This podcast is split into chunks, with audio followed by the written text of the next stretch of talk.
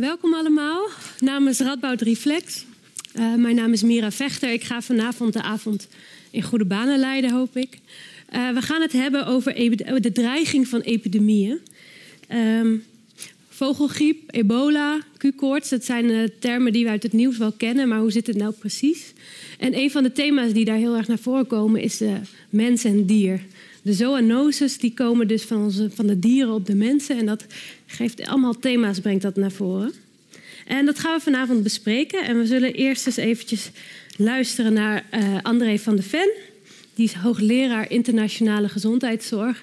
En die heeft uh, uitgebreid ervaring met infectieziekten. En die zal ons ook even kort uh, uitleggen hoe het nou zit met zoonoses.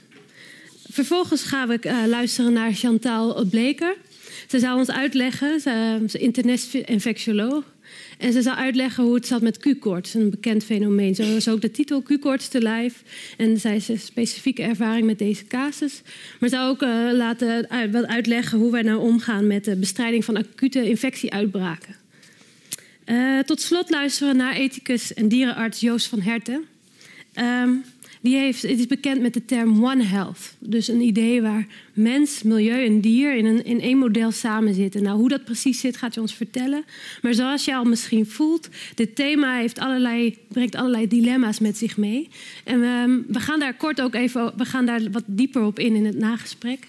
Uh, André, Chantal en Joost en ik zullen um, even met elkaar gaan praten van, uh, nou ja, hoe, hoe, hoe zitten deze verhalen in elkaar verstrengeld? En welke dilemma's komen naar voren en waar lopen we als samenleving tegenaan? Um, en specifiek met het idee die mensen die die zoonozen, daar komt, komt een specifieke problematiek bij aan de orde. Uh, vervolgens is er ook ruimte voor vragen vanuit het publiek. Dus mocht je tijdens de lezingen een prangende vraag hebben, bewaar hem even. We krijgen echt wel de tijd om die vragen aan, aan, nog te beantwoorden in, in, aan het einde van dit programma. Um, we gaan beginnen. En ik wens jullie een hele fijne avond. En het uh, woord is even aan André. Dank jullie wel.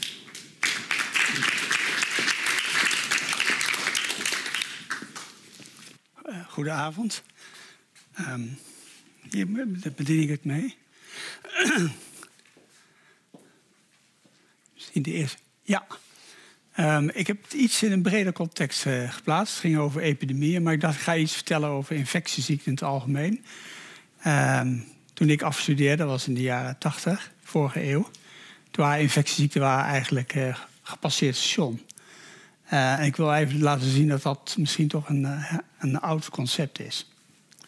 En doe ik aan de hand, misschien ook eerst aan de hand van een voorbeeld in het verre verleden. dit is een beroemde Nijmegenaar, IJsbrand van Diemenbroek.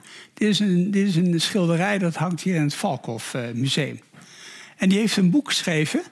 En ging de, de, de pest te Nijmegen. En het was in 1630. En hierboven staat bevlekking of besmetting. Want de oorspronkelijke gedachte was dat mensen bevlekt waren door verkeerde gedachten. Dat was een geestelijk uh, iets. Uh, en dat leidde tot allerlei ziektes. en onder andere de pest.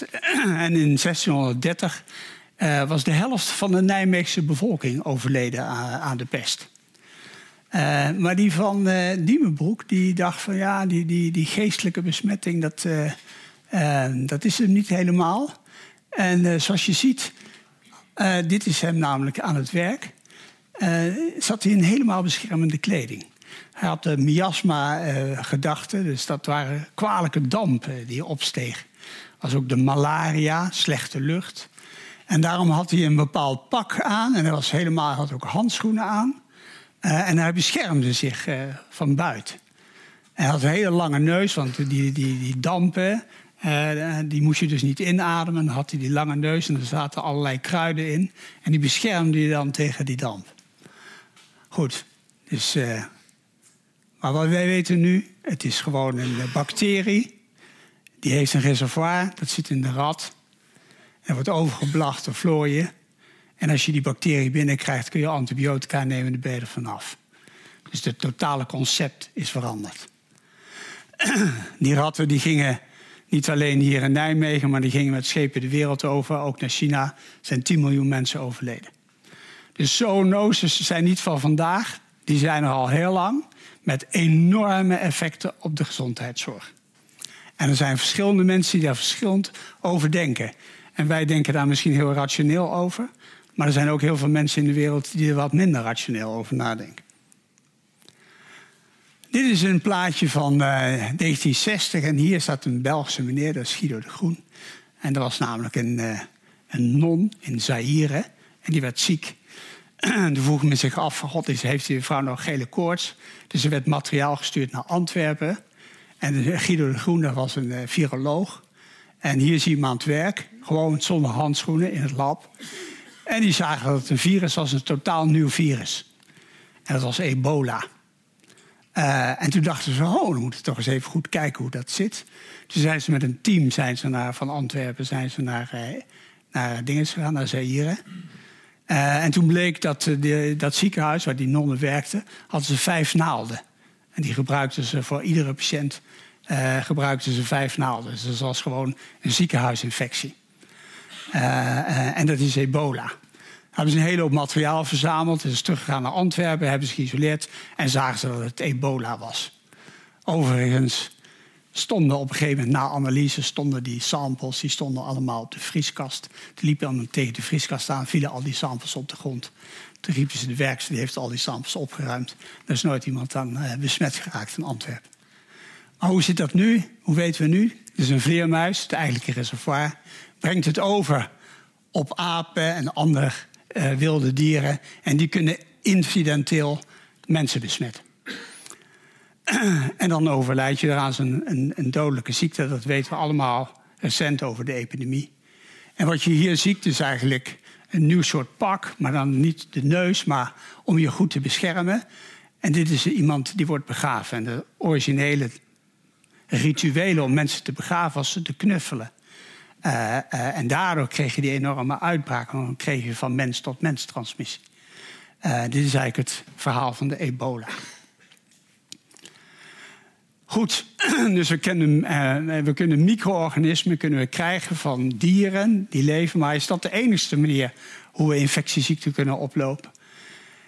Misschien toch nog even een context plaatsen. Je hebt allerlei bacteriën in darm zitten. En er zijn mensen die beweren dat je meer bacteriën je cellen in je darm hebt dan menselijke cellen. Dus je bestaat eigenlijk voor meer een deel uit bacteriën. En als je antibiotica krijgt, krijg je daar natuurlijk resistentie voor en die draag je dan met je mee. En dan is eigenlijk als je een urineweginfectie krijgt, krijg je dat gewoon van je eigen darmbacteriën. Dan kun je ze van mens naar mens. Hè. Het voorbeeld is tuberculose. Dat is een typische humane pathogeen. Die verspreidt je. Je infecteert iemand anders en die wordt dan ook ziek. En dan heb je de zogenaamde zoonose. En dan heb je verschillende categorieën. Dit is nou heel toevallig slecht te zien. Dit zijn eigenlijk het wildlife, dus de, de dieren die in het wild leven. Dit zijn de voedsel, die we gebruiken voor de voedselvoorziening. en dit zijn de huisdieren. Dus hier heb je de geit voor de Q-fever. Hier heb je de koe, een hele reeks uh, uh, bacteriën. Uh, met name ook salmonellas. hoenderen, dus kippen, uh, andere gevogelte, uh, met allerlei verschillende micro-organismen in die dieren die leven. En naarmate je close contact hebt met die dieren, heb je natuurlijk uh, al dan niet via een, een, een, een vlooi of een ander, kan je de expositie aan krijgen. Goed, dus wat hebben we gedaan in de loop van de tijd? We hebben betere hygiëne. Het eerste voorbeeld daarvan is de vrouwen die kregen in het kraambed kregen ze koorts. En die werden geholpen door voetvrouwen. En die voetvrouwen gingen van de ene vrouw naar de andere. En tussen die vrouw wassen ze nooit hun handen. er is één man geweest, Samuel Weiss, die heeft gezien... als je nou je handen wast, krijgen die vrouwen geen voetvrouwenkoorts. En je had John Snow, eh, niet de man van eh, Winter is Coming... Uh, en die heeft heel mooi in Londen laten zien dat als je daar cholera-uitbraken had, dat dat heel geclusterd was. En er was een bepaalde pomp. En die pomp staat er nog steeds. Die eigenlijk de source was van de, van de cholera. Uh, dus je hebt eigenlijk riolering, schoon water, betere huizen. Waardoor je eigenlijk dus minder expositie krijgt aan dieren. En waardoor je minder transmissie krijgt. En dat heeft ervoor gezorgd dat de infectiedruk enorm is afgenomen. Dat samen met vaccinatie en antimicrobiële therapie. En wat we zien Dit is de sterfte in de loop van de tijd, 1900. Dit is de totale sterfte aan niet-infectieuze oorzaken, is eigenlijk stabiel gebleven. En infectieziekten zijn eigenlijk verdwenen. En de Surgeon General in de Verenigde Staten rond 1970 zei: Het is klaar, dus afgelopen infectieziekten hebben we overwonnen.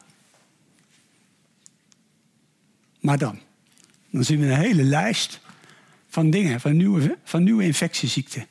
Lassa, ebola, hanta, HIV. Meer dan op dit moment 40, 50 miljoen mensen geïnfecteerd wereldwijd. Noem maar op. Het is een hele lijst. En degenen die donker zijn, zijn degene, dat zijn zoonoses. Dus zijn eigenlijk komen die van dieren afkomstig. En naarmate we betere technieken hebben, kunnen we beter identificeren of er micro-organismen een rol spelen. Uh, en dan heb je transmissie van mens, van dier naar mens toe. Um, dus eigenlijk zie je dat, uh, dat in de loop van de tijd het inzicht ook veel beter geworden is. Uh, en zien we het enorme reservaat waar de mensen aan blootgesteld is. Ik er dus een paar zaken. HIV, een heel belangrijk iets, wat het eigenlijk het, het denken over infectieziekten totaal veranderd heeft. ebola, nou, heel veel ebola-gevallen in Nederland hebben we niet gehad. Uh, maar natuurlijk in West-Afrika is dat een groot probleem. Maar tegenwoordig hebben we er ook een vaccin voor. Weten we ook beter, ook lokaal, hoe je dat moet voorkomen. Uh, dit is de ziekte van Lyme. Hè, dus teken, door teken overgebracht. Helicobacter pylori in mijn tijd, de afdeling chirurgie lag helemaal vol met mensen met maagzweren die geopereerd worden. Hebben we tegenwoordig totaal niet meer. Kunnen we prima behandelen, geen maagzweren meer. Kortom, veel meer inzicht en veel meer uh, um, en het belang van zoonoses in het geheel. Toch even aantippen, niet onbelangrijk. Dus is het tijd om te zeggen van het is uh, wie. Uh, de, de, de, de war is won. We hebben de oorlog gewonnen, maar bij wie? Dit is een, een foto van uh, de Verenigde Naties General Assembly over antibiotica. Waarbij, en het waren alle wereldleiders waren daar eh, vertegenwoordigd. En die hebben verklaard dat de antibiotica-resistentie de grootste bedreiging is voor de wereldgezondheidszorg. En het staat elke keer op het programma van de G20. Dus het is een ongelooflijk belangrijk probleem aan het worden. En Radboud Reflex gaat daar ook nog een speciale avond uh, aan, uh, aan besteden. Dus ik zou u dat van harte willen aanbevelen. Uh, idee is in 2050 overlijden er meer mensen aan antibiotica-resistentie dan aan kanker. En dan praat ik dus niet over infectieziekten, malaria, et cetera. Dat gaat gewoon door. Maar alleen over de resistentie. Goed. Dus je hebt heel veel verschillende micro-organismen. Dat weten we meer en meer. Je hebt een enorme massa, al in één persoon. Maar als je wereldwijd kijkt, die micro-organismen die vermenigvuldigen zich enorm en die muteren ook nog, die veranderen de hele tijd. Dus de idee, het concept dat we infectieziekten en al die micro-organismen zouden kunnen beheersen, dat is een illusie gebleken. Dat gaat niet worden. Dus je hebt een enorme dynamiek, je hebt antimicrobiële resistentie voor de middelen die we gebruiken. De micro-organismen kennen geen landgrenzen. Je gaat naar uh, India, je loopt een, een resistente micro-organisme op doet 80% van de reizigers. Ze komen daar binnen een dag mee terug naar Nederland. Inzichten in nieuwe host pathogen, dus uh, de relatie tussen een mens en pathogeen, waardoor we tegenwoordig reuma heel goed kunnen behandelen, allerlei darmziektes, maar het is wel gebruiken de afweeronderdrukkende geneesmiddelen voor, uh, uh, waardoor we allemaal weer een hoog risico krijgen op, op infectieziekten complexe medische behandelingen. Tegenwoordig is het normaal als je heup versleten is om een heupprothese in te planteren en hartklep, et cetera. Uh, uh, maar die kunnen ook allemaal gepaard zijn met infectieziekten. In het Radboud UMC is infectieziekte de derde ontslagdiagnose. En de helft van de patiënten op de RHBO presenteert zich met een infectieziekte. Goed, en dan hebben we de outbreaks. Uh, um, en daar, de Q-fever zullen we daar vanavond dieper op ingaan. Toch nog een klein voorbeeldje. Dit zijn de eenden. Dit is eigenlijk het reservoir voor influenza. En die zitten met name in Zuidoost-Azië. En dat behandelen we tegenwoordig met oseltamivir. Maar het oppervlaktewater waar die eenden in zwemmen, daar zit gewoon oseltamivir in. Want het oseltamivir wat die mensen slikken, komt gewoon ongezuiverd op het rioolwater terecht. En komt ongezuiverd in de natuur terecht. En hier krijg je gewoon de resistentie bij de bron die zich vormt. New Delhi, je hebt bepaalde New Delhi's. Hè, dus strange, je hebt ziekenhuizen, maar iedereen daar kan bij elke farmaceut om de hoek gewoon één tablet antibiotica uh, kopen als je dat. Of voor een hele week of voor een maand, wat je maar wil. Die mensen die nemen de antibiotica, komt gewoon in het rioolwater. Uh, uh, tegelijkertijd met alle bacteriën van de ontlasting. En daar vindt ook de resistentievorming plaats. Dus als je naar India gaat, je hebt een massaal probleem met antibiotica-resistentie. Dit zijn uh, um, de varkensboer en de MRSA. Dus ook in, in de veeteelt wordt enorm veel uh, uh, antibiotica gebruikt. Daar zal verder nog over. Uh, en dan wordt, krijg je overdracht van mens naar dier. En daardoor moeten we eigenlijk het geheel bekijken. Hè? Dus je moet gezonde mensen, maar ook een gezonde omgeving. En gezonde dieren, dat is het One Health concept. Maar daar wordt verder nog op ingegaan. Goed, dus Q-koorts. Even het bruggetje naar de volgende persoon. De Chantal, die zal er van alles nog wat over vertellen. Ja, dat is eigenlijk niet leesbaar. Maar wat het idee is, dit zijn de schapen en de geiten. Een heel belangrijk reservoir. Hier is een heel klein paars puntje, dat is Europa. Dit is de hoeveelheid schapen en uh, geiten die ze op een continent hebben. Dit is Azië en dit is Afrika. Ik ben een oude tropenarts.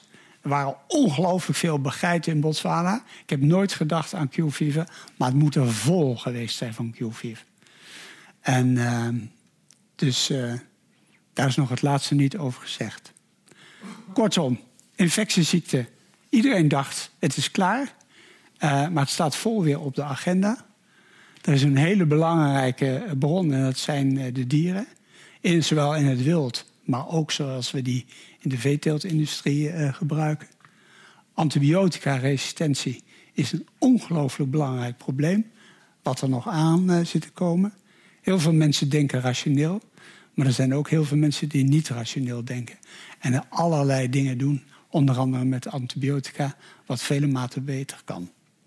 Ik denk dat ik het hierbij wil laten en het woord geef uh, aan jou, aan Chantal. Aan Chantal, Even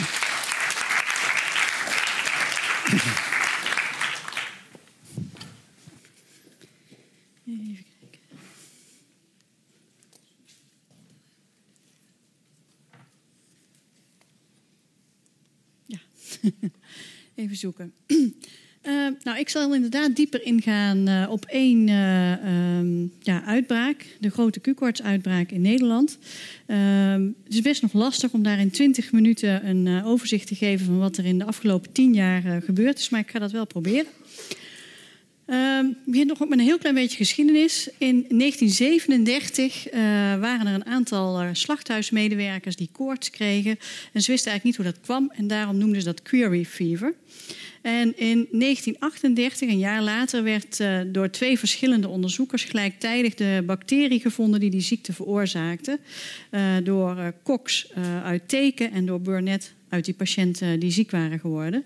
En uiteindelijk hebben ze de naam uh, Q-fever, Q-koorts gehouden. En um, de naam van de bacterie hebben ze vernoemd naar de twee ontdekkers Coxella burnetti. Nou, Q-koorts is een zoonose, dat heeft u net al uh, gehoord wat dat uh, betekent. Um, Q-koorts komt eigenlijk voor bij heel veel verschillende diersoorten. Uh, geiten en schapen zijn daarin het belangrijkste, maar het komt ook voor bij knaagdieren, honden, katten, koeien, buffels, beren, kamelen enzovoort enzovoort. Heel veel dieren die zijn chronisch geïnfecteerd, maar die hebben geen symptomen, dus die zijn niet ziek. En bij geiten en schapen die kunnen verwerpingen krijgen, dus abortus, uh, dus dat, dat, die, kunnen daar, die merken er wel wat van. Het is een ziekte die wereldwijd voorkomt, behalve in Nieuw-Zeeland. En ik denk dat André helemaal gelijk heeft dat het in Afrika ook voor, meer voor moest komen dan dat dat toen herkend werd.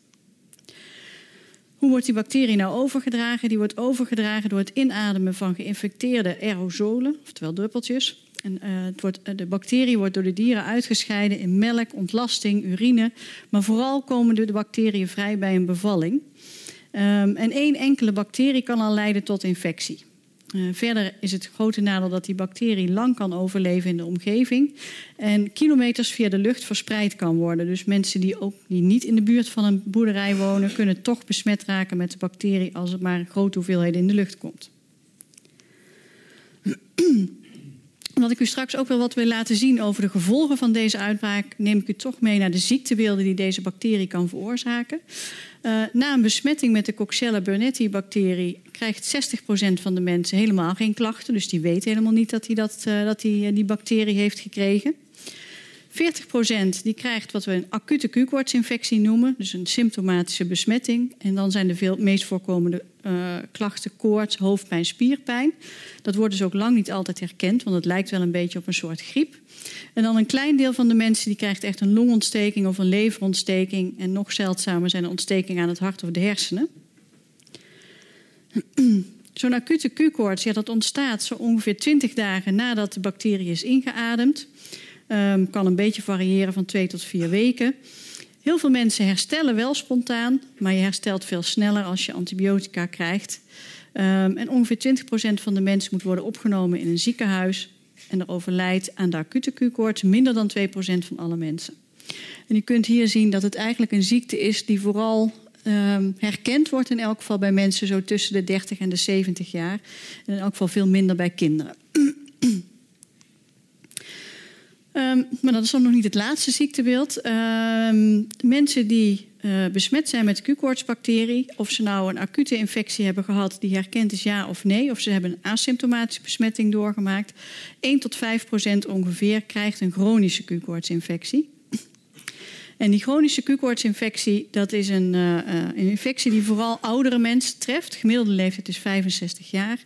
Het kan optreden, of in elk geval duidelijk worden, maanden tot jaren na de oorspronkelijke infectie. En ongeveer een kwart van de mensen kan zich de oorspronkelijke infectie maar herinneren. Ja, dat klopt natuurlijk ook wel een beetje als je ziet dat 60% van de mensen uh, überhaupt geen symptomen hebben bij de acute infectie. En een deel van de andere mensen, daar is het niet herkend. Dus dan klopt dat getal ook wel. Uh, het is een ernstige infectie. Het is een infectie van de hartklep of een infectie van de lichaamsslagader of een vaatprothese. Nou, krijgt nou iedereen die chronische Q-koorts? Nee, dat gelukkig niet. Het zijn eigenlijk altijd mensen die risicofactoren hebben, zoals hartklepproblemen of een kunsthartklep. Mensen die een aneurysma hebben, een verwijt eh, bloedvat, een vaatprothese of een probleem met hun afweer. Um, heel vaak is het, um, hebben mensen helemaal geen klachten als ze die chronische Q-koortsinfectie hebben. En dan plotseling presenteren ze zich met een ernstige complicatie, zoals hartfalen of een gebarsten aneurysma. Uh, en dat zijn dan ook direct um, levensbedreigende complicaties waaraan een iemand direct kan overlijden. Soms hebben mensen wel klachten, maar die zijn dan vaak heel aspecifiek. Nachtzweten, gewichtsverlies, buik- of rugpijn, soms koorts. Uh, maar het is vaak heel moeilijk om de diagnose chronische Q-koorts te te stellen. Als je die diagnose nou eenmaal gesteld hebt, dan moeten mensen tenminste 18 tot 24 maanden behandeld worden met antibiotica. En dan, um, uh, ja, die mensen krijgen eigenlijk altijd bijwerkingen. Uh, de meest voorkomende bijwerking, en zo zien eigenlijk al mijn patiënten eruit tussen maart en september, is dat ze enorm overgevoelig worden voor de zon. En al verbranden als ze bijvoorbeeld achterglas in een auto rijden. Um, als mensen heel lang de uh, doxycycline samen met uh, een ander middel wat gebruikt wordt bij chronische Q-koorts gebruiken, dan uh, krijgen ze dit soort paars-zwarte verkleuringen van de huid. En dat is um, soms reversibel, maar niet altijd. Vaak hebben mensen een, een, operatie nodig en dat kunnen grote operaties zijn, zoals een hartklepvervanging of een verwijdering van een vaatprothese. En ondanks uh, dat we deze mensen zo goed mogelijk behandelen, dus met die antibiotica, met die operaties, overlijdt ongeveer 20% van de mensen ondanks de behandeling. Als laatste ziektebeeld hebben we nog het Q-koortsvermoeidheidssyndroom, oftewel QVS. Dat is een uh, ziekte die op kan treden bij mensen die een symptomatische acute Q-koortsinfectie hebben gehad. En die uh, gekenmerkt wordt door uh, ernstige vermoeidheid, maar ook allerlei andere klachten. Concentratiestoornissen, spierpijn, frisklachten. Uh, echt een heleboel verschillende dingen. De klachten moeten meer dan zes maanden aanhouden. Moeten ontstaan zijn na een bevestigde acute Q-koorts. Er mag geen chronische Q-koortsinfectie zijn. Want bij Q-koortsvermoeidheidssyndroom zijn er geen aanwijzingen dat de bacterie nog in het lichaam actief aanwezig is. En er mag geen andere ziekte zijn die de klachten kan verklaren. En er moeten veel beperkingen zijn door de klachten die de patiënt heeft. En dit treft ongeveer 20% van de mensen met een acute infectie. Dus dat zijn er nog veel meer dan de mensen met chronische Q-koorts. Nou, hoe was dat nou in Nederland voor de uitbraak? Nou, in Nederland hadden we in 1956 de eerste drie gevallen van Q-koorts, tenminste die herkend werden. Uh, en pas vanaf 1975 hebben we een goed overzicht, omdat het vanaf dat moment een meldingsplichtige ziekte is bij mensen. Wat wil zeggen dat als de diagnose in het laboratorium werd gesteld, dat het moest doorgegeven worden aan de GGD, die dan weer doorgaf aan, de, aan het RIVM en die een mooi overzichtje bijhield. En dit is de periode tot 2007 zo'n enkele gevallen per jaar, ongeveer 5 tot 20 patiënten. En toen was het eigenlijk een beroepsziekte. Het betrof vooral boeren, slachthuismedewerkers, dierenartsen. Maar in 2005 veranderde eigenlijk al iets, alhoewel dat wel pas meer achteraf herkend is, of in elk geval achteraf herkend is als zijnde heel belangrijk. Vanaf 2005 was er een plotselinge toename van het aantal miskramen in geitenboerderijen. Um, en in 2007 um, ehm, volgde dit bericht dat um, in het dorpje Herpen van de gemeente Osje vlakbij, dat daar 90 mensen uh, zich hadden gemeld bij uh, hun huisarts met griepverschijnselen, terwijl er maar 3000 mensen in dat dorpje woonden. En uh, ja, de huisarts die daar een belangrijke rol in heeft gespeeld, is hier ook aanwezig. En uiteindelijk is die diagnose gesteld dat die mensen Q-koorts hadden. En dan zie je ook meteen dat er een enorme toename is van het aantal gevallen in 2007. Nou, er moest natuurlijk nagedacht worden wat daar dan de oorzaak van zou kunnen zijn. En al snel werd er gedacht aan de geiten. En in dit grafiekje is te zien, dat is het aantal uh, bedrijven. Nou, dat neemt wel wat toe, maar niet uh, heel schrikbarend. Maar als u dan kijkt naar het aantal uh, geitenbedrijven, dan, dat is die lichtblauwe lijn, dan is dat heel sterk toegenomen in de jaren voor 2007. En op dit kaartje is ook te zien dat er in ja, het stukje waar wij ons bevinden, dat daar en ook daar de grootste dichtheid van, uh, van geiten uh, in Nederland is. En als we dan dat kaartje van die geiten nog even in gedachten houden en dan naar het kaartje van de situatie van 2007 kijken, dan kunt u zien dat dat redelijk met elkaar overeen lijkt te komen. Dat de gebieden waar die heel veel geiten zijn, dat daar ook de meeste Q-koortsgevallen waren. Nou, in 2007 zijn er 168 meldingen geweest van acute Q-koorts tegenover 5 tot 20 in een uh, normaal jaar. Uh, er zijn toen eigenlijk geen maatregelen genomen. Men dacht, ja, dit is het dan, het is, het is klaar. Um, uiteindelijk is er ook voor gekozen, uh, dat heb ik dan weer uit het rapport van de evaluatiecommissie, waar ik later nog op terugkom, om het publiek niet te informeren. Q-koorts kwam altijd al voor. Ja, dat was natuurlijk ook zo. Uh, op het moment dat het duidelijk was dat er een uitbraak was, was die eigenlijk al een beetje over zijn hoogtepunt heen. En werd geredeneerd, de gevolgen voor mensen zijn onvoldoende bekend en we gaan geen onrust zaaien. Ik denk dat we daar achteraf misschien anders over zouden kunnen denken. Uh, maar daar kunnen we het misschien later nog over hebben. Nou, helaas was het in 2008 niet voorbij. Uh, want er kwamen opnieuw in het voorjaar een heleboel meldingen uh, van acute Q-koorts. En in juni 2008 werden daarom de eerste maatregelen genomen. Q-koorts werd ook een meldingsplichtige ziekte onder dieren. Dat is natuurlijk belangrijk als je meer in beeld wil krijgen waar de ziekte voorkomt. Uh, het verspreiden van mest van besmette bedrijven werd uh, uh, 90 dagen verboden. En er mocht alleen strikt noodzakelijk bezoek op besmette bedrijven plaatsvinden. In augustus 2008 uh, werd het vaccin dat er wel was, maar niet was uh, toegestaan om dat te gebruiken in Nederland, werd vrijgesteld om te gaan gebruiken bij, uh, bij dieren.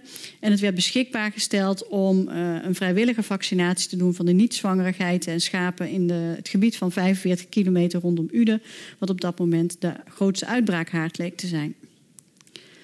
Maar als u dan kijkt naar het kaartje van 2007 met 168 gevallen uh, in één jaar. En dan kijk naar wat er in 2008 gebeurde. Toen zijn er duizend gevallen gemeld. En u ziet niet, dat niet alleen het aantal gevallen sterk is toegenomen, maar ook het gebied uh, waarin mensen zijn gemeld lijkt zich uit te breiden. Dus iets lijkt er nog niet goed te gaan. Nou, in 2009 ging het inderdaad verder. Ook in het voorjaar kwamen er weer nieuwe meldingen.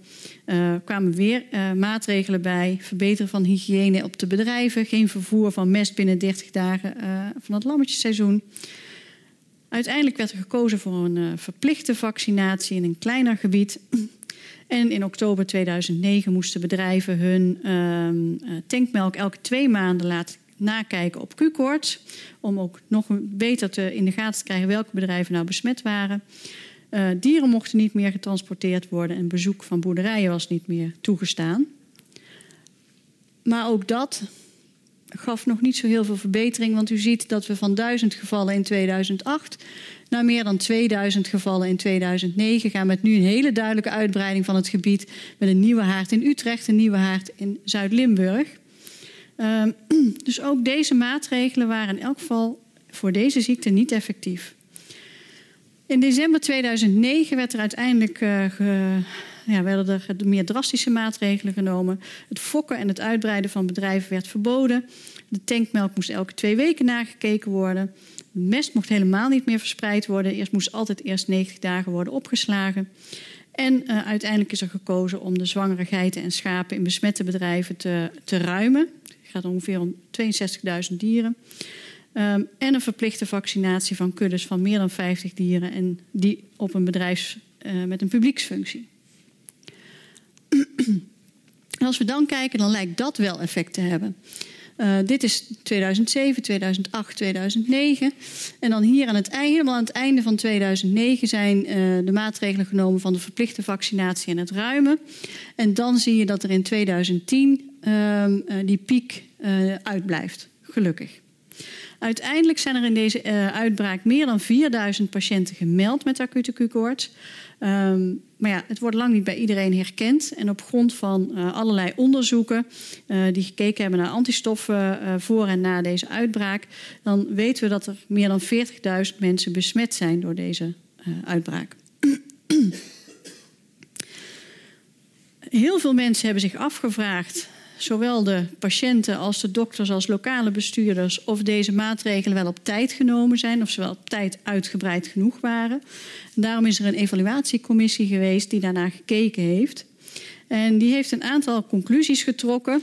Uh, onder andere dat er op uh, verschillende momenten door tassen erop had kunnen en moeten worden getreden. En dat er op meerdere momenten relevante informatie onvoldoende werd gecommuniceerd. En dat het onderzoek naar de infectiebron lang gehinderd werd door een beroep op privacy van de besmette bedrijven. Dat maakte het inderdaad in het begin heel lastig. Maar als u ziet hoe ingewikkeld het in elkaar zit, dan kan u zich ook misschien wel iets voorstellen dat die communicatie niet altijd even gemakkelijk is geweest. Dit is de veterinaire kant, dit is de humane kant. dit zijn allemaal commissies, um, uh, allerlei instanties die zich iets te zeggen hebben over uh, een uitbraak uh, van een zoonose.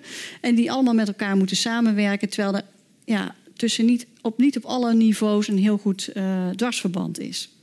Er waren ook twee ministeries betrokken bij dit probleem en dat maakte het ook niet makkelijker. Uiteindelijk is ook geconcludeerd dat het optreden van beide ministeries te terughoudend uh, is geweest. En dat er een gebrek was aan centrale regie, die zich vertaalde in voortdurende onrust onder de bevolking en regionale bestuurders. Als we dan gaan kijken naar de gevolgen van deze uitbraak, begin ik maar even gewoon met de kosten. Dit zijn de kosten aan de humane kant, dit zijn de kosten aan de veterinaire kant. Um, en u kunt hier ook zien dat het grootste deel van de kosten is aan de humane kant. En dat komt omdat mensen niet meer konden werken, mensen behandeld moesten worden, uh, verlies van kwaliteit van leven. Um, en in totaal uh, gaat dat om uh, ja, 600 miljoen euro ongeveer. En nu wordt al gedacht dat het nog veel meer is geworden. Als we dan kijken naar wat het voor mensen heeft betekend. Dit is een, uh, een grafiekje van uh, mensen die uh, betaald werk hadden. Dat waren de zwarte dingetjes, zwarte staafjes. En drie maanden nadat ze besmet waren, kon bijna 50% niet werken. Maar na een jaar was dat nog steeds bijna 20% van de mensen die niet aan het werk konden nadat ze een Q-koortsinfectie hadden gehad. Dan heb ik er hier eentje uitgepikt over de fysieke beperkingen. En dan net hadden we het nog over maanden, maar hier zitten we op acht jaar na de besmetting. En dan ziet u dat er nog steeds de mensen met chronische Q-koorts en de mensen met Q-koorts vermoeidheidssyndroom ernstige fysieke beperkingen hebben door hun infectie. Uh, en bij de overige Q-koortspatiënten neemt dat dan uh, wel weer af. Maar dit heeft dus jaren na de oorspronkelijke infectie nog zijn gevolgen. en misschien wel het meest dramatische gevolg is dat er ook mensen zijn overleden door deze ziekte. En in 2016 in Nederland houden we een, uh, een database bij uh, waar gegevens anoniem verzameld worden van alle mensen met chronische Q-koorts. Uh, bleek dat 74 patiënten overleden waren aan Q-koorts, 65 aan chronische Q-koorts, 9 aan acute Q-koorts, dus dat was al eerder gebeurd. Um, en dat stonden de kranten van vol. Ja, dat, er nog, dat het zoveel uh, doden had gebracht. Dit zijn een aantal van de gezichten van de mensen die het niet hebben overleefd. Maar eigenlijk dachten heel veel mensen in 2016, nou zijn we bijna tien jaar na het begin van de uitbraak, nou zijn we er wel. Maar helaas bleek niets minder waar, want in november 2018 uh, was er een nieuwe update van deze database. En toen bleken er niet 74, maar 95 patiënten overleden aan Q-koorts en 86 aan chronische Q-koorts. Dus dat zijn er nog eens 21 extra in anderhalf jaar tijd ongeveer. Dus het is nog niet klaar. We kennen niet alle patiënten met chronische Q-koorts. We weten niet wie er allemaal zijn overleden aan chronische Q-koorts. Het enige wat we zeker weten is dat er nog meer mensen zullen gaan overlijden aan chronische Q-koorts. Um, de mensen die overlijden aan een acute complicatie zonder dat er een uh, uh, gedachte is aan Q-koorts, ja, daarvan zullen we nooit weten dat ze zijn overleden zijn aan Q-koorts. Omdat we weten dat er nog mensen rond moeten lopen met chronische Q-koorts zonder dat we weten dat ze dat hebben, um, zal er binnenkort gestart worden met een, ja, een screening. Case finding heet het officieel, maar het is eigenlijk een soort screening op chronische Q-koorts. Um, en het doel is dan om het, de gevallen die we nog niet kennen op te sporen. Dat wordt gedaan in risicogroepen, mensen met kunstkleppen, mensen met vaatprotheses of afweerproblemen. En de reden dat we dat willen doen is dat als we de diagnose kunnen stellen voordat er levensbedreigende complicaties zijn, dat we ze dan op tijd kunnen behandelen en mogelijk kunnen voorkomen dat ze gaan overlijden aan deze ziekte. Um, er is ook nog recent een um, uh, financiële tegemoetkoming voor mensen met Q-koorts uh, geweest. Alle mensen met Q-koorts vermoeidheidssyndroom of chronische Q-koorts die besmet zijn in de uitbraak tussen 2007 en 2011 gaan 15.000 euro krijgen van VWS. En de bedoel, dat is bedoeld als gebaar ter erkenning en medeleven. Heel veel mensen zijn daar natuurlijk blij mee, met name omdat het een soort erkenning is. Maar er zijn ook toch wel heel veel mensen die boos over zijn. Het dekt de geleden schade voor heel veel mensen niet. Mensen die hun eigen bedrijf zijn kwijtgeraakt. Uh, mensen die voor hun de rest van hun leven in de bijstand zitten. Die, die hebben, ja, die, die, daar, daar is die, die 15.000 euro niet genoeg voor. Te weinig, te laat. Er heerst ook veel wrok bij mensen dat de geitenhouders meer vergoeding kregen uh, voor hun geiten die geruimd moesten worden. En veel patiënten vragen zich af: ja, hebben we nou wel genoeg geleerd van deze uitbraak? Want je ziet dat nog steeds, dit is de periode van de uitbraak, maar ook daarna neemt het aantal geiten in Nederland nog steeds toe. Daar worden wel uh, uh, maatregelen voor genomen nu, maar de vraag is natuurlijk of dat op tijd is. Concluderend is de Nederlandse Q-koortsuitbraak van 2007 tot 2011 de allergrootste ooit ter wereld geweest. Uh, en ik denk zeker dat dat te maken heeft met het feit dat wij in Nederland heel veel geiten uh, heel dicht in de buurt van heel veel mensen hebben. Um, we moeten ons realiseren dat de gevolgen van deze uitbraak nog niet voorbij zijn. Er worden nog steeds nieuwe gevallen van chronische Q-koorts gediagnosticeerd en nog steeds overlijden mensen aan chronische Q-koorts. En daarnaast lijden nog heel veel mensen onder de gevolgen van de uitbraak die destijds heeft plaatsgevonden. Als simpele dokter vraag ik me wel eens af of we wel genoeg geleerd hebben van deze uitbraak. Um, voor het geval we weer tegen een nieuwe zoonose met deze omvang aan gaan lopen. En ik vraag me ook wel eens af of er genoeg gedaan is voor deze getroffen mensen. En daar wilde ik het graag bij laten.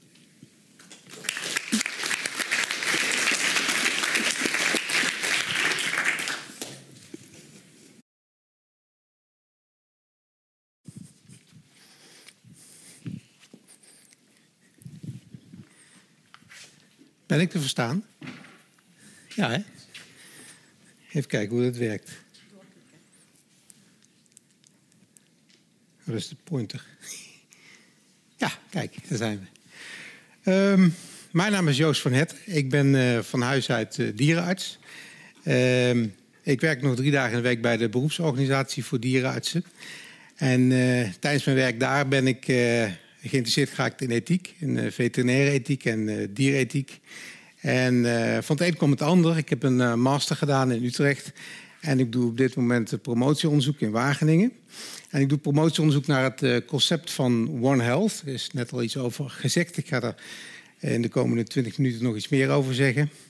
En nou, de vraag die ik vanavond hier wil voorleggen is: is One Health nou de oplossing voor alle problemen? Hebben we alles onder controle?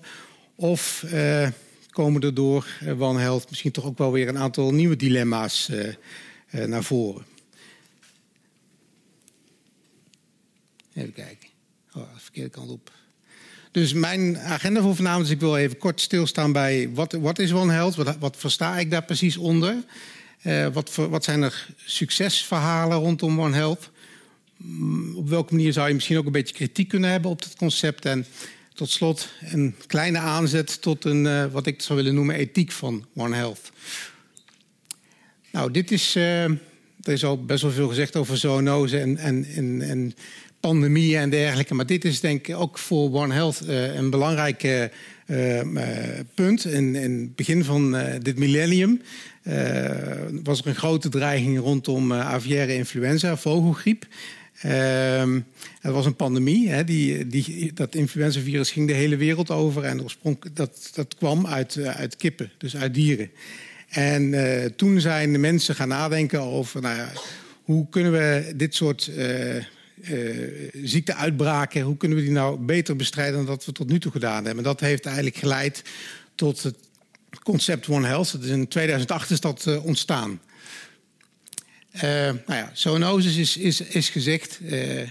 die 70% van alle opkomende infectieziektes bij mensen wordt veroorzaakt door een zoonose. Dus is afkomstig oorspronkelijk uit een dierlijk reservoir. Als je het nou over aviaire influenza hebt, dan zie je dat zeg maar, die, dat virus waarschijnlijk uit de wilde vogelpopulatie in Azië vandaan komt. En uh, vaak worden zoonoses door, in dit geval niet bij aviaire influenza, maar ook door vectoren, dus insecten, bijvoorbeeld teken of andere vlooien, muggen, overgedragen naar de gedomesticeerde dieren. En als wilde vogels influenzavirus overdragen aan bijvoorbeeld pluimvee, dan kan dat virus zich daar enorm vermeerderen. En uh, omdat natuurlijk heel veel kippen, vaak ook gevoelige, dier, gevoelige kippen, bij elkaar zitten. En als dat gebeurt, dan, dan, dan heb je dus een enorme toename aan virusmateriaal. En dat kan dan vervolgens ook makkelijker, omdat natuurlijk die dieren dichter bij de mensen staan, overspringen op mensen. Uh, bij influenza heb je dan ook nog het probleem dat het virus zich kan aanpassen. Dus daardoor wordt ook mens of mens overdracht mogelijk. Maar het zijn niet alleen maar uh, uh, landbouwhuisdieren die het gevaar vormen. Het zijn, je hebt wilde dieren, ebola is al genoemd, het Zika-virus. Je hebt landbouwhuisdieren met salmonella en campylobacter. Dat, zijn, dat is trouwens de grootste groep zoonosen. Die geeft eigenlijk de grootste ziektelast overal in Nederland. Dus het zijn ziektes die door uh, bijvoorbeeld vlees, het eten van, van besmet vlees, kunnen worden overgedragen. Ehm, maar je hebt ook zoonosen die worden overgedragen door gezelschapsdieren. En daar denken veel mensen misschien niet zo snel aan. Maar je hebt bijvoorbeeld uh, dat is een, een, infectie van de luchtwegen. Je hebt schimmelinfecties die je kan krijgen van cavia's of van konijnen. Je hebt nou ja, zo zijn er al. Je hebt toxoplasma bijvoorbeeld. Of toxo, dat is een uh, infectie, die, uh, een spoelworminfectie, die kan overgedragen worden vaak via katten in de zandbak. Dus er zijn heel veel infectieziekten. En het is niet alleen zo dat wilde dieren, landbouwhuisdieren of gezelschapsdieren daar de bon van zijn. Nou, wat is nu One Health? One Health is eigenlijk zeg maar een het besef dat de gezondheid van mens, dier en milieu dat die onlosmakelijk met elkaar verbonden is. Nou, en dat, uit, het, de twee verhalen hiervoor, ook uit mijn verhaal, blijkt wel dat, dat daar kan je eigenlijk niet omheen. En dit is met name vooral een, een roep om samenwerking. En dat staat hier ook in deze definitie van de American Veterinary Medical Association uit 2008. Dat is eigenlijk er zijn heel veel definities, maar in grote lijnen wordt dit eronder verstaan. Dus de gezamenlijke inspanning van verschillende disciplines op lokaal, nationaal, globaal niveau om uh, aan een optimale gezondheid van mens, dier en milieu te werken. En dat is eigenlijk wat wij allemaal een beetje onder One Health verstaan. Uh, dus het is vooral een roep om samenwerking. Dus wat we geleerd hebben van de Q-koorts, het plaatje dat net is, is vertoond, die samenwerking die is nu veel beter geworden. Er is een andere structuur gemaakt en artsen en dierenartsen werken veel beter samen. Dus dat gebeurt allemaal wel. Ehm, maar ik vraag me af, als je naar deze definitie kijkt, uh, zou je misschien niet wat verder moeten gaan dan, uh, dan samenwerking? En misschien zit er meer achter het concept dan alleen dat. Nou, is, is One Health nou een nieuw idee? Uh, ik denk het eigenlijk niet. is net al hadden we een voorbeeld uit de, uit de 16e eeuw, maar nog veel eerder, rond 400 voor Christus had je al Hippocrates, die, eh, die schreef een boek eh, over eh, lucht, water en bodem. En daarin legde hij al een heel duidelijke link tussen de volksgezondheid en het belang van een schone leefomgeving. Hippocrates was ook de grondlegger van de, de westerse geneeskunst. Hij was eigenlijk een van de eerste die, die de oorzaken van ziektes niet zozeer zocht in bovennatuurlijke zaken, maar toch vooral ook in natuurlijke zaken. Hij was onder andere bekend ook van zijn uitspraak dat laat voedsel uw medicijn zijn en laat uw medicijn uw voedsel zijn. En ik liet, vertelde net al iets over alimentaire zoonoses, zoonoses die door voedsel worden overgedragen. Daar zit dus ook wel een kleine keerzijde aan. Maar goed, het besef dus dat die onderlinge samenhang van gezondheid, mens en, en dier en respect voor de natuur, die zijn onderdeel uh, van, de, van de cultuur en van de beschaving en spiritualiteit van hele, heel veel oude beschavingen. Dus, dus nieuw is het zeker niet. Maar, maar wat is dan nu anders? Nou ja, Eén ding dat anders is dat de wereldbevolking enorm gegroeid is. We hebben, zitten nu met uh, eh, 7 miljard mensen ongeveer op deze aardbol. En de verwachting is dat we in 2050 misschien wel met 10 miljard mensen op de aardbol zitten. Uh, tegelijkertijd, uh, door die bevolkingsgroei, ontstaat ook een grotere behoefte aan dierlijk eiwit. Uh, de, de, schattingen zijn van de FAO, de, de, Wereldvoedselorganisatie, dat er misschien wel 70% meer dierlijk eiwit nodig zou zijn in 2050 dan nu. Nou ja, en als dat zo is, dan zou dat ook betekenen dat er nog veel meer landbouwhuisdieren gaan komen dan dat er nu zijn. Er zijn nu ongeveer 24 miljard uh, landbouwhuisdieren op de wereld. En straks zouden dat er misschien wel 41 miljard zijn. Nou ja, je vraagt je wel af, hè, als, als je dat allemaal zo hoort, of dat wel goed kan gaan. En bovendien eh, spelen ook andere oorzaken een rol. We hebben te maken met klimaatverandering. We hebben te maken met eh, het globaal verkeer van mensen, van dieren, van goederen over de wereld. En die bevorderen allemaal die verspreiding van infectieziektes. En in 1600 ging zo'n epidemie van, van de pest misschien met schepen naar Azië. Maar tegenwoordig gaat het met vliegtuigen. Dus het gaat allemaal vele malen sneller. Dus er is wel degelijk een reden, denk ik, om ons, uh, om ons daar zorgen over te maken. En One Health kan, kan wel helpen. Die samenwerking is op zich, denk ik, hartstikke goed. En dit is een voorbeeld van uh, Bali. Uh, dit is, gaat over hondsdolheid, over rabies. Uh, dat is een, een, een ziekte die nog steeds veel voorkomt over de wereld. 60.000 mensen per jaar gaan wereldwijd dood aan hondsdolheid. In Nederland hebben we eigenlijk al heel lang geen hondsdolheid meer gehad. Ik heb gelezen dat in 1962 is de, is de laatste uh, slachtoffer hier gevallen, althans die hier geïnfecteerd is. Er komen nog wel af en toe mensen uh, die in het buitenland geweest zijn op vakantie en die gebeten worden en die komen dan terug met een Arabische infectie, maar het komt heel weinig voor. Er is overigens nog wel in 2012 uh, iets wat, wat, we nu eigenlijk wel weer vaker zien, is dat mensen honden meenemen uit andere landen, bijvoorbeeld uit Marokko. En in 2012 is er nog een pupje uit Marokko gediagnosticeerd eh, met hondsdolheid. En dat geeft natuurlijk een enorm gedoe. Want uh, ja, zelfs van een lik van zo'n dier kun je eventueel uh, hondsdolheid krijgen. Maar voor mensen is dat in principe een dodelijke ziekte. Dus dan zul je alle contacten die er dan zijn geweest met zo'n pupje moeten nagaan. Maar goed, in, in 2008 in, was, in Bali was er sprake van een uh, rabische uitbraak. Er waren toen al 132 mensen overleden aan hondsdolheid. Maar dat is ook voor honden een dodelijke ziekte. Dus er waren nog veel meer honden doodgegaan aan hondsdolheid. En uiteindelijk is er toen uh, de, wat de traditionele manier om hondsdolheid te bestrijden in Indonesië en andere delen van de wereld is ook vaak om honden dan dood te maken. Uh, maar dat is eigenlijk een hele ineffectieve strategie, want zodra je zwerfhonden doodmaakt, komen er vaak weer nieuwe zwerfhonden in de plaats. Dus dat werkt eigenlijk heel slecht. En uh, met hulp van de Wereldgezondheidsorganisatie is in Bali een vaccinatieprogramma opgestart. Uh, eerste plaats werd er, werden mensen bewust gemaakt van hoe die ziekte zich verspreidt en wat mensen vooral wel en niet moesten doen. Er is uh, heel stevig gevaccineerd, dus de honden op Bali. En men heeft gemonitord. En je ziet dan ook dat dat eigenlijk hartstikke goed gaat. Want in 2010 was het aantal infecties bij mensen al met 99% gedaald. Maar ook en daarom is het ook een One Health verhaal. Het aantal uh, gevallen van hondsdolheid bij honden was met 90% gedaald. Dus hier heb je zowel de honden als de mensen hebben eigenlijk baat bij zo'n aanpak. Dus in mijn optiek is dit een, een One Health benadering die je succesvol kan noemen. Nou ja, dit is een ander plaatje. En daar hebben we net ook een heel verhaal over gehoord van Chantal. Dit is uh, Q-koorts in 2009. En hier zie je dat de dieren er uh, minder goed van afkomen. En uh, ja, mijn vraag is dan, is dit ook One Health? Of, of hier, speelt hier toch iets anders? Is dit niet misschien een aanleiding om nadere vragen te stellen? Want ja, je hebt in de dierziektebestrijding en de zoonosebestrijding een aantal bestrijdingsmaatregelen die je kan nemen. Je kunt uh, de verspreiding van dieren stoppen of de verspreiding van mensen stoppen. Je kunt voorkomen dat er contact is tussen mens en dier of tussen mens en mens.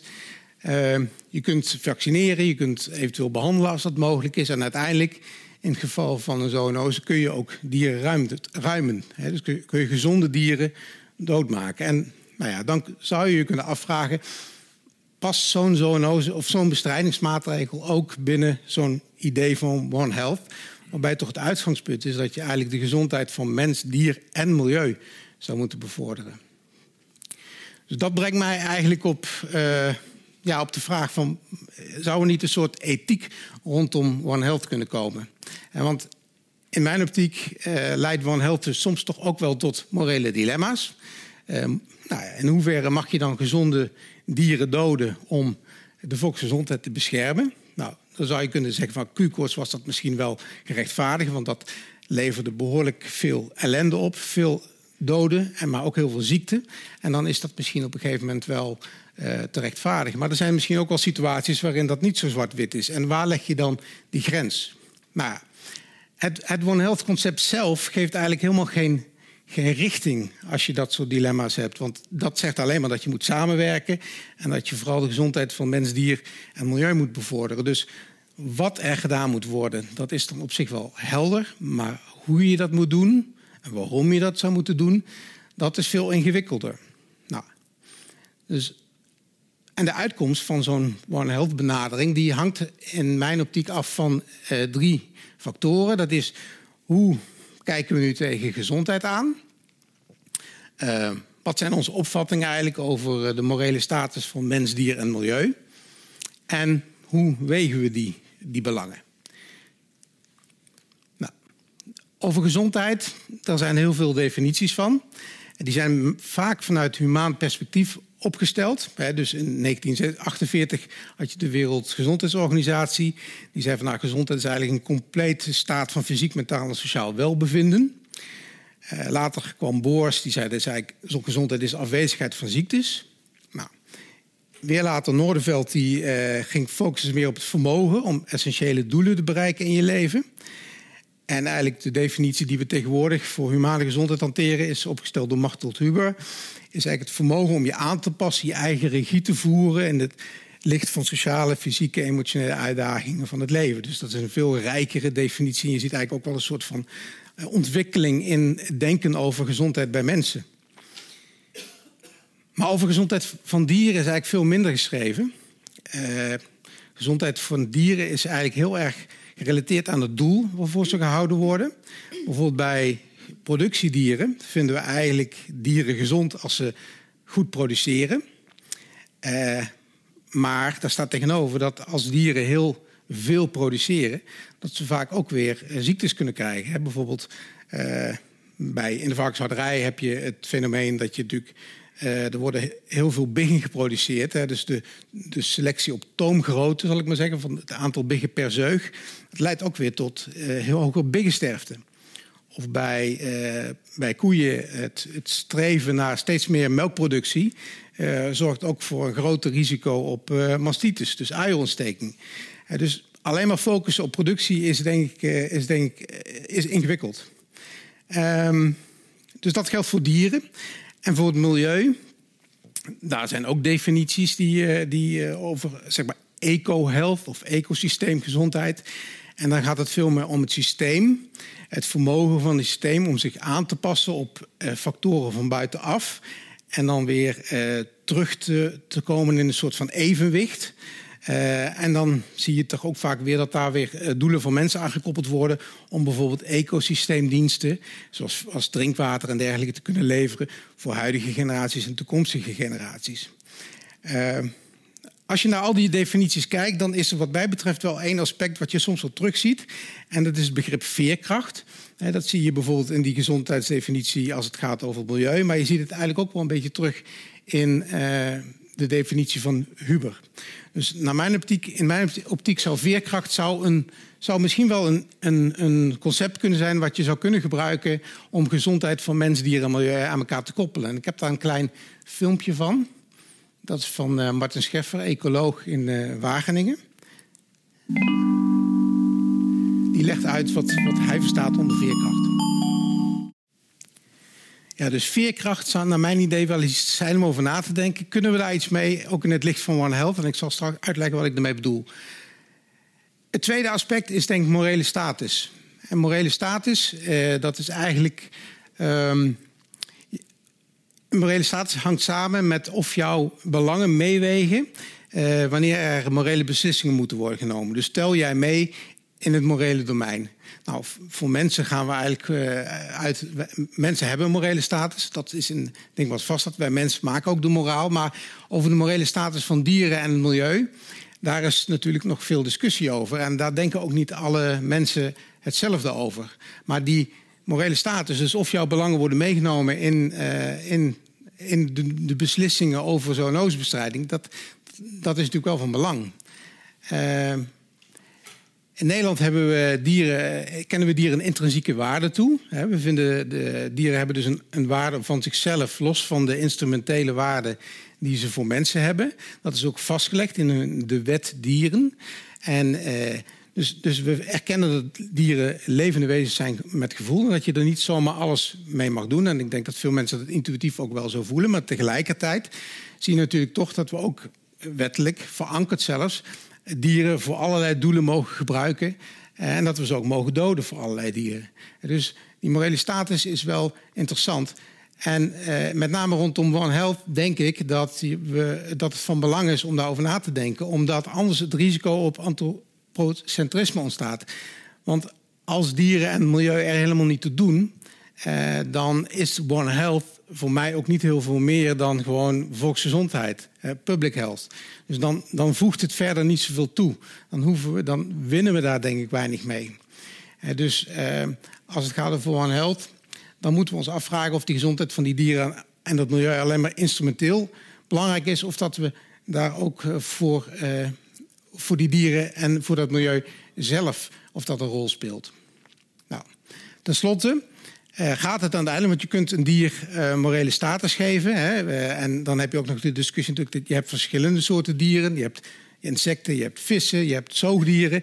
Dus welk dier geef je dan hoeveel morele status? En hoe zwaar tel je, zo, stel je dat dan mee? Hè? Zijn dieren dan gelijk aan mensen of niet? Dus daar kun je heel lang over discussiëren.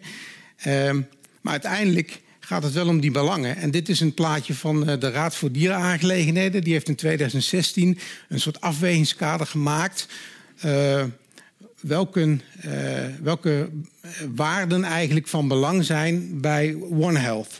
dus als jij gezondheidsvraagstukken wil oplossen via een One Health benadering, dan moet je eigenlijk al deze waarden meenemen in je afweging. En dat zijn er nogal wat.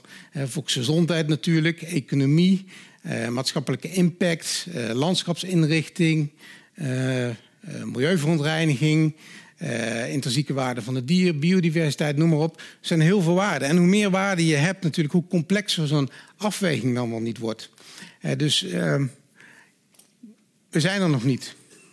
Nou, One Health in een ideale wereld.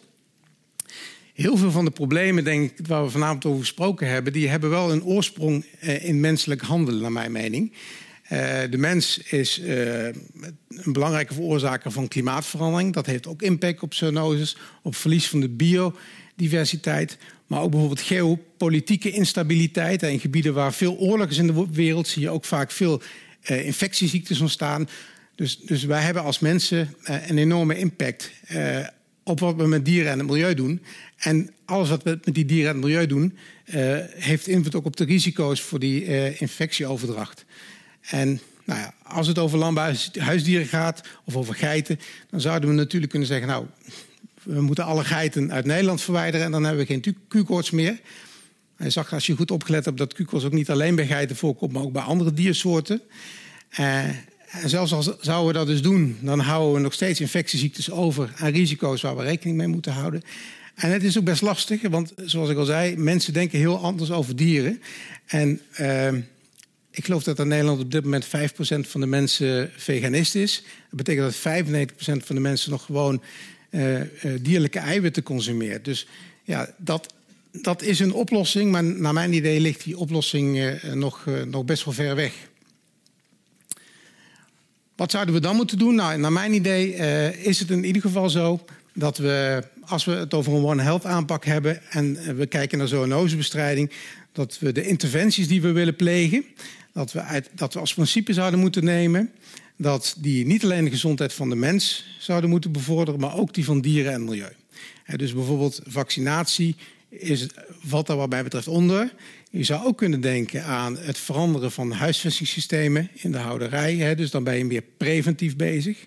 Dan, dan, dan, dan ga je ook zeg maar, uh, werken aan veerkracht. want uh, als je de veerkracht van de dieren die nu in de uh, veehouderij in Nederland gehouden worden, die staat behoorlijk onder druk. als je daar dingen verandert in de zin van huisvesting, voeding en verzorging, dan neem je dus het gezonde dier als uitgangspunt. En dan verwacht ik dat je ook aan de preventieve kant iets kan doen. Dus dat is wat mij betreft de meerwaarde van One Health. En bij, bij bestrijdingsmaatregelen zul je inderdaad, denk ik, moeten afwegen wat het effect van die maatregelen is op de dieren en het milieu. En zul je per geval uh, een beslissing moeten nemen. En soms kan dat leiden tot de beslissing dat je dieren gaat ruimen. Soms kan dat leiden tot het besluit dat je moet gaan vaccineren. Uh, maar in ieder geval, uh, als je een echt zoonosebestrijding wil doen volgens het idee van One Health, dan kan het niet zo zijn dat het alleen maar om mensen gaat. Nou, dit was mijn bijdrage aan deze avond en ik ben benieuwd wat jullie daarvan vinden. En ik ga ook graag de discussie erover aan.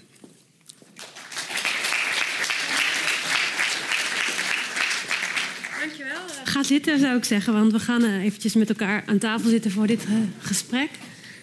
Uh, schuif aan. Ik neem de oranje stoel als dat mag. Dan kan ik jullie allemaal goed zien en het publiek ook. Nou, ik begin eventjes terug bij Chantal en André.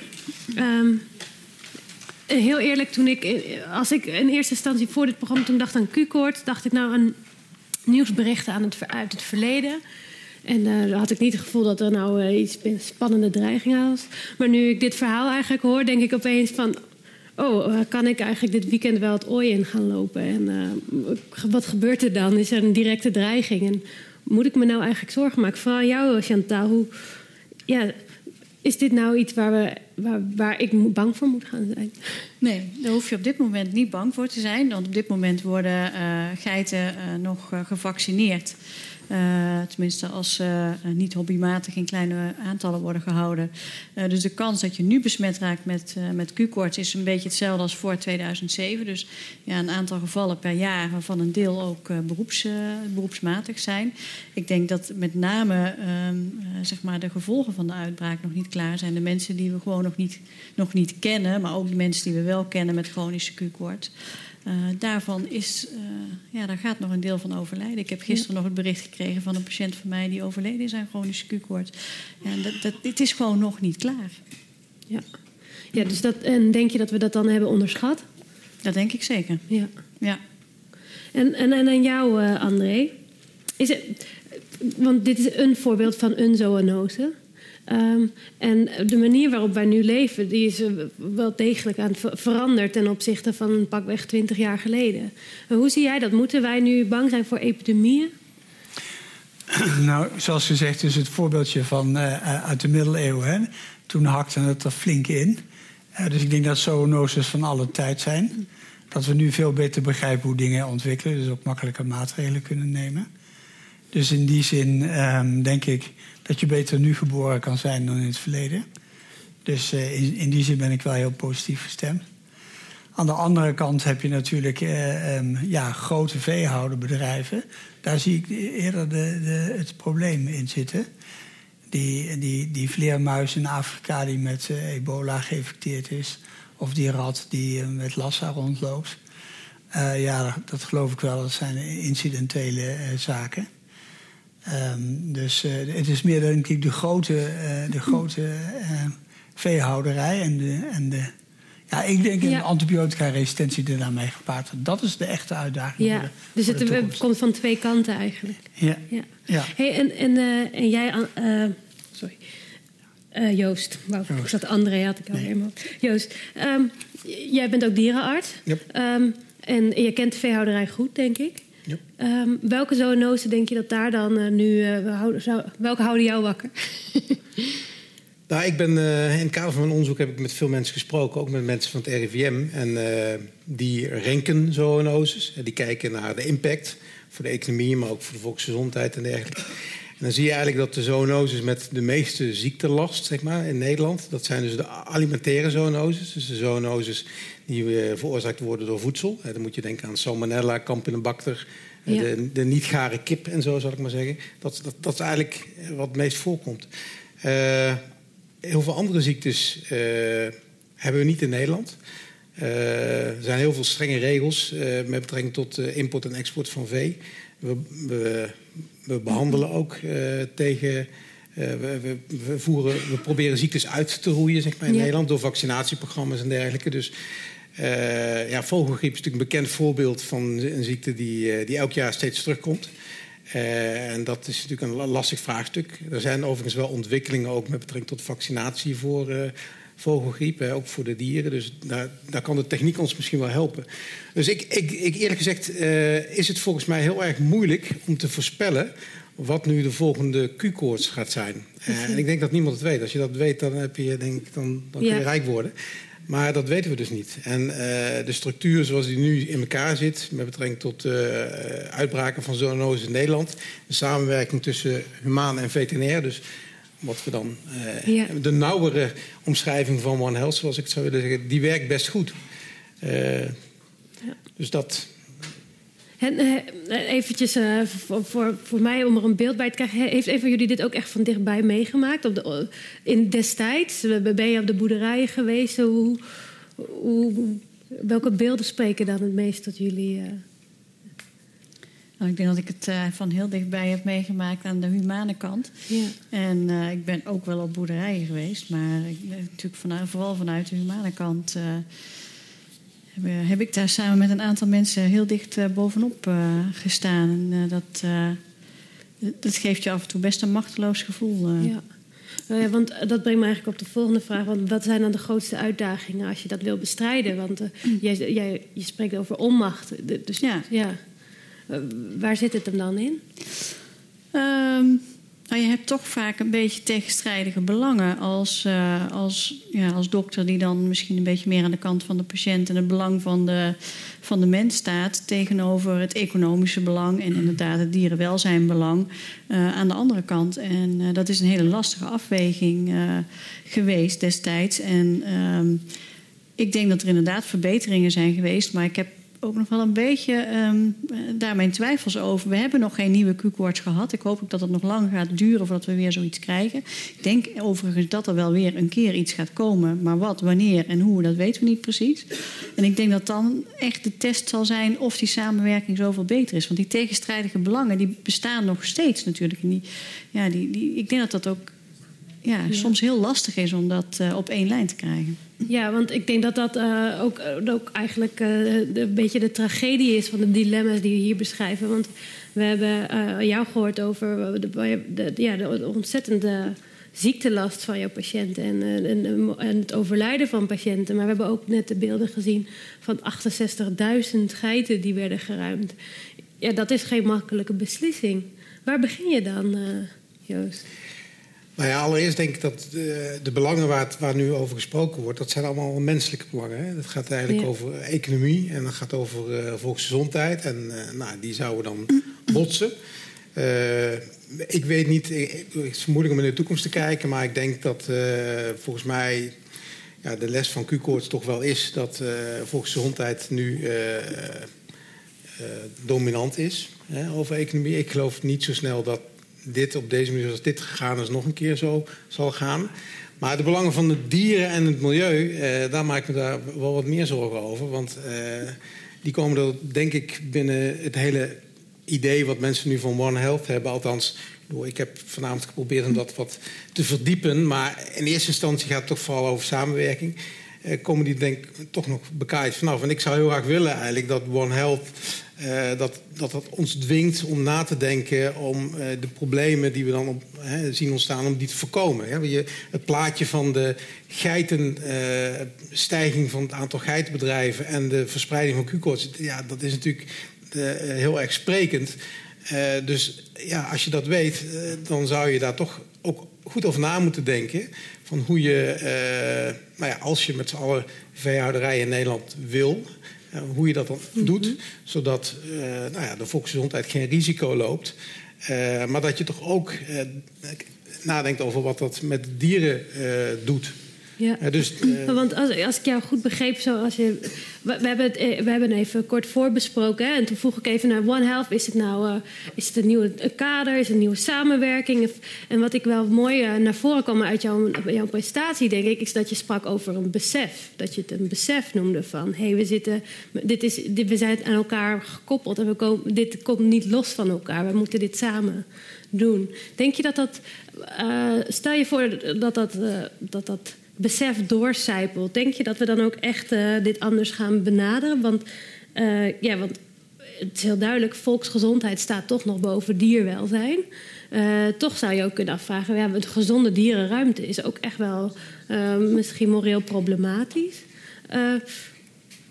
ja, wat zou dat besef misschien mogen kunnen veranderen? Het belangrijkste, volgens mij heeft André al gezegd in zijn praatje... dat uh, het, is een illusie om te denken dat wij in een wereld kunnen, zouden, ooit zouden leven... zonder ziekmakende bacteriën of virussen of parasieten of schimmels. Of, ik bedoel, wij maken onderdeel uit van een ecosysteem... waar deze micro-organismen ook onderdeel van... Dus zijn vaak ook essentieel binnen zo'n ecosysteem... Uh, dus het is meer een kwestie van uh, dat we niet. Uh, het is niet ons tegen hen, zal ik maar zeggen. Ja. Maar het is een kwestie van, van evenwicht en balans. En daarna zoeken. En ik denk dat de mens door zijn handelen. En natuurlijk ook door de veehouderij. Maar dat, ik denk dat het veel breder is dan dat. de impact die we hebben op de planeet. Dat, uh, dat zorgt, dat, is, dat zijn drivers naar mijn idee voor het ontwikkelen van, uh, van zoonozen. En dus we moeten vooral naar onszelf kijken. Ja. Hey, en uh, dit, als ik hierover nadenk, en dan wil ik eigenlijk eventjes naar André ook. Want jouw, jouw plaatje liet zien, het voorbeeld van Bali, was eigenlijk heel sprekend. Hè? Van, hey, we hebben hier de dieren gevaccineerd en we zagen dat daarmee het probleem ook heel erg goed werd geholpen. Eigenlijk hebben we er beide baat van. Ja. Uh, is André, zie je dat ook uh, als, als een mogelijke oplossing of, of, dit soort benaderingen? Als, uh... nou, ik denk dat Joost dat, dat heel juist gezegd heeft. Hè? Dus je, je kunt niet, er is een illusie als je denkt dat je dit allemaal. Je moet een goed systeem hebben, moet een goede evenwicht moet je het zien te vinden. Uh, um, en de, de, oplossing in Bali is inderdaad om, om, die, om die beesten te vaccineren en op die manier de evenwicht te herstellen. dat is, lijkt mij een, een, een prima benadering. Als je dat zo kan doen, is het natuurlijk veel beter dan al die honden af te, afschieten, zou ik maar zeggen. Bij Q-koorts is dat natuurlijk, was dat wel gedaan als dat had gekund, maar die zwangere geiten kon je niet meer vaccineren. Die, uh, ja, die waren, dus dat, ja. dat, kon niet.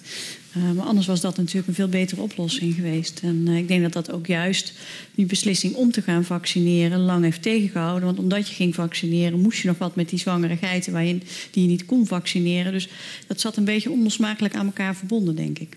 Precies, ja. En um, wat mij dan nog vraagt van, van jij, uh, jij hebt natuurlijk uh, het belang van, van de mens, maar van, van de patiënt, laten we het even zo zeggen. Hoe verhoud je dan tegen de geiten, geitenhouders? Is dat, is, is, dat, kan je dan nog iets van voorstelling maken van.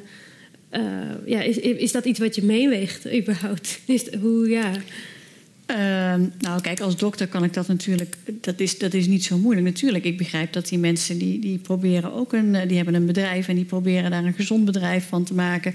En, en de meeste geitenhouders, daar ben ik van overtuigd dat, dat, dat die dat op een goede manier doen en dat die het beste voor ogen hebben. En geen van de geithouders die ik gesproken heb, die, die heeft dit ook niet gewild. Niemand heeft dit gewild. Maar ik kan me ook wel voorstellen dat het voor patiënten soms een beetje anders is als dan de volgende geitenhouder weer een aanvraag doet om uitbreiding van zijn stallen te krijgen. Uh, dus ik, ik, begrijp allebei de kanten heel goed. En natuurlijk, ik vind ook dat mijn taak als dokter is om meer aan de kant van de mens te staan, van de patiënt. Uh, maar ik snap de geitenhouders natuurlijk ook. Ja, dus dat maakt het zo'n probleem zo complex. André, Chantal, Joost, ontzettend bedankt voor jullie bijdrage vanavond. Dankjewel.